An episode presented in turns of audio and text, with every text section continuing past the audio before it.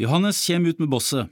Han nikker fort til naboen som er på vei, og går inn til seg sjøl. Så, Idet han kommer att fra bossdunkene rundt hjørnet, ser han en heil uteliggerfamilie. familien som nå sitter på trappa til Johannes, går over minst tre generasjoner, mest trulig fire, i alderen under to til heilt ubestemmelig alder, godt over 90, minst.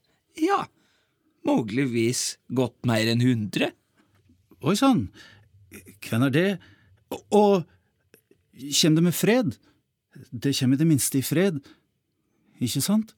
En mann legger fra seg ei lang og krokete grein som han sliter tungt med å bære på, svært forsiktig ned ved sida av Johannes i trapp, på en måte som tilsier at dette ikke er noe vanlig grein som en bare kan slegge i bakken, men mer som en kross han bærer og vil og til og med ønsker og har tatt mål av seg til å bære på, for seg sjøl, men òg for sine. Med andre ord så ligger det ei meining bak, moglegvis ei høgare ei. Så Endelig! de er kommet hit for å Ja, bli her. Det er seint. Ja, det er det virkelig. Det er virkelig seint. Ja, Det er virkelig seint. vi vil gjerne være natta over. Hva natt snakka vi om? Mann 33 hinter til himmelen og natta over deg. Og Johannes skjønner endelig hva han ber om. Mann 33 snakkar som i eit dikt. Denne natta vi står og er i. Den som himmelen over oss ringer inn. Den som rutar ut våre liv.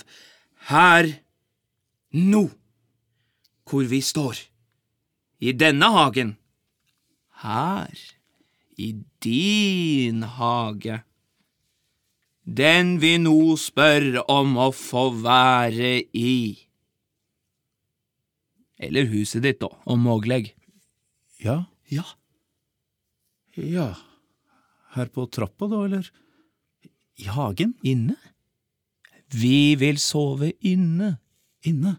Ja, i huset ditt, det er for kaldt ute. Så kaldt er det vel ikke, men hvorfor her? Hvorfor deg? Ja, hvorfor meg? Vi ser på huset ditt, på hagen din, på omlandet her. At du har plass. Du har hørt utdrag fra Tenk om noen kom hit av Jørn Kurt Bergo.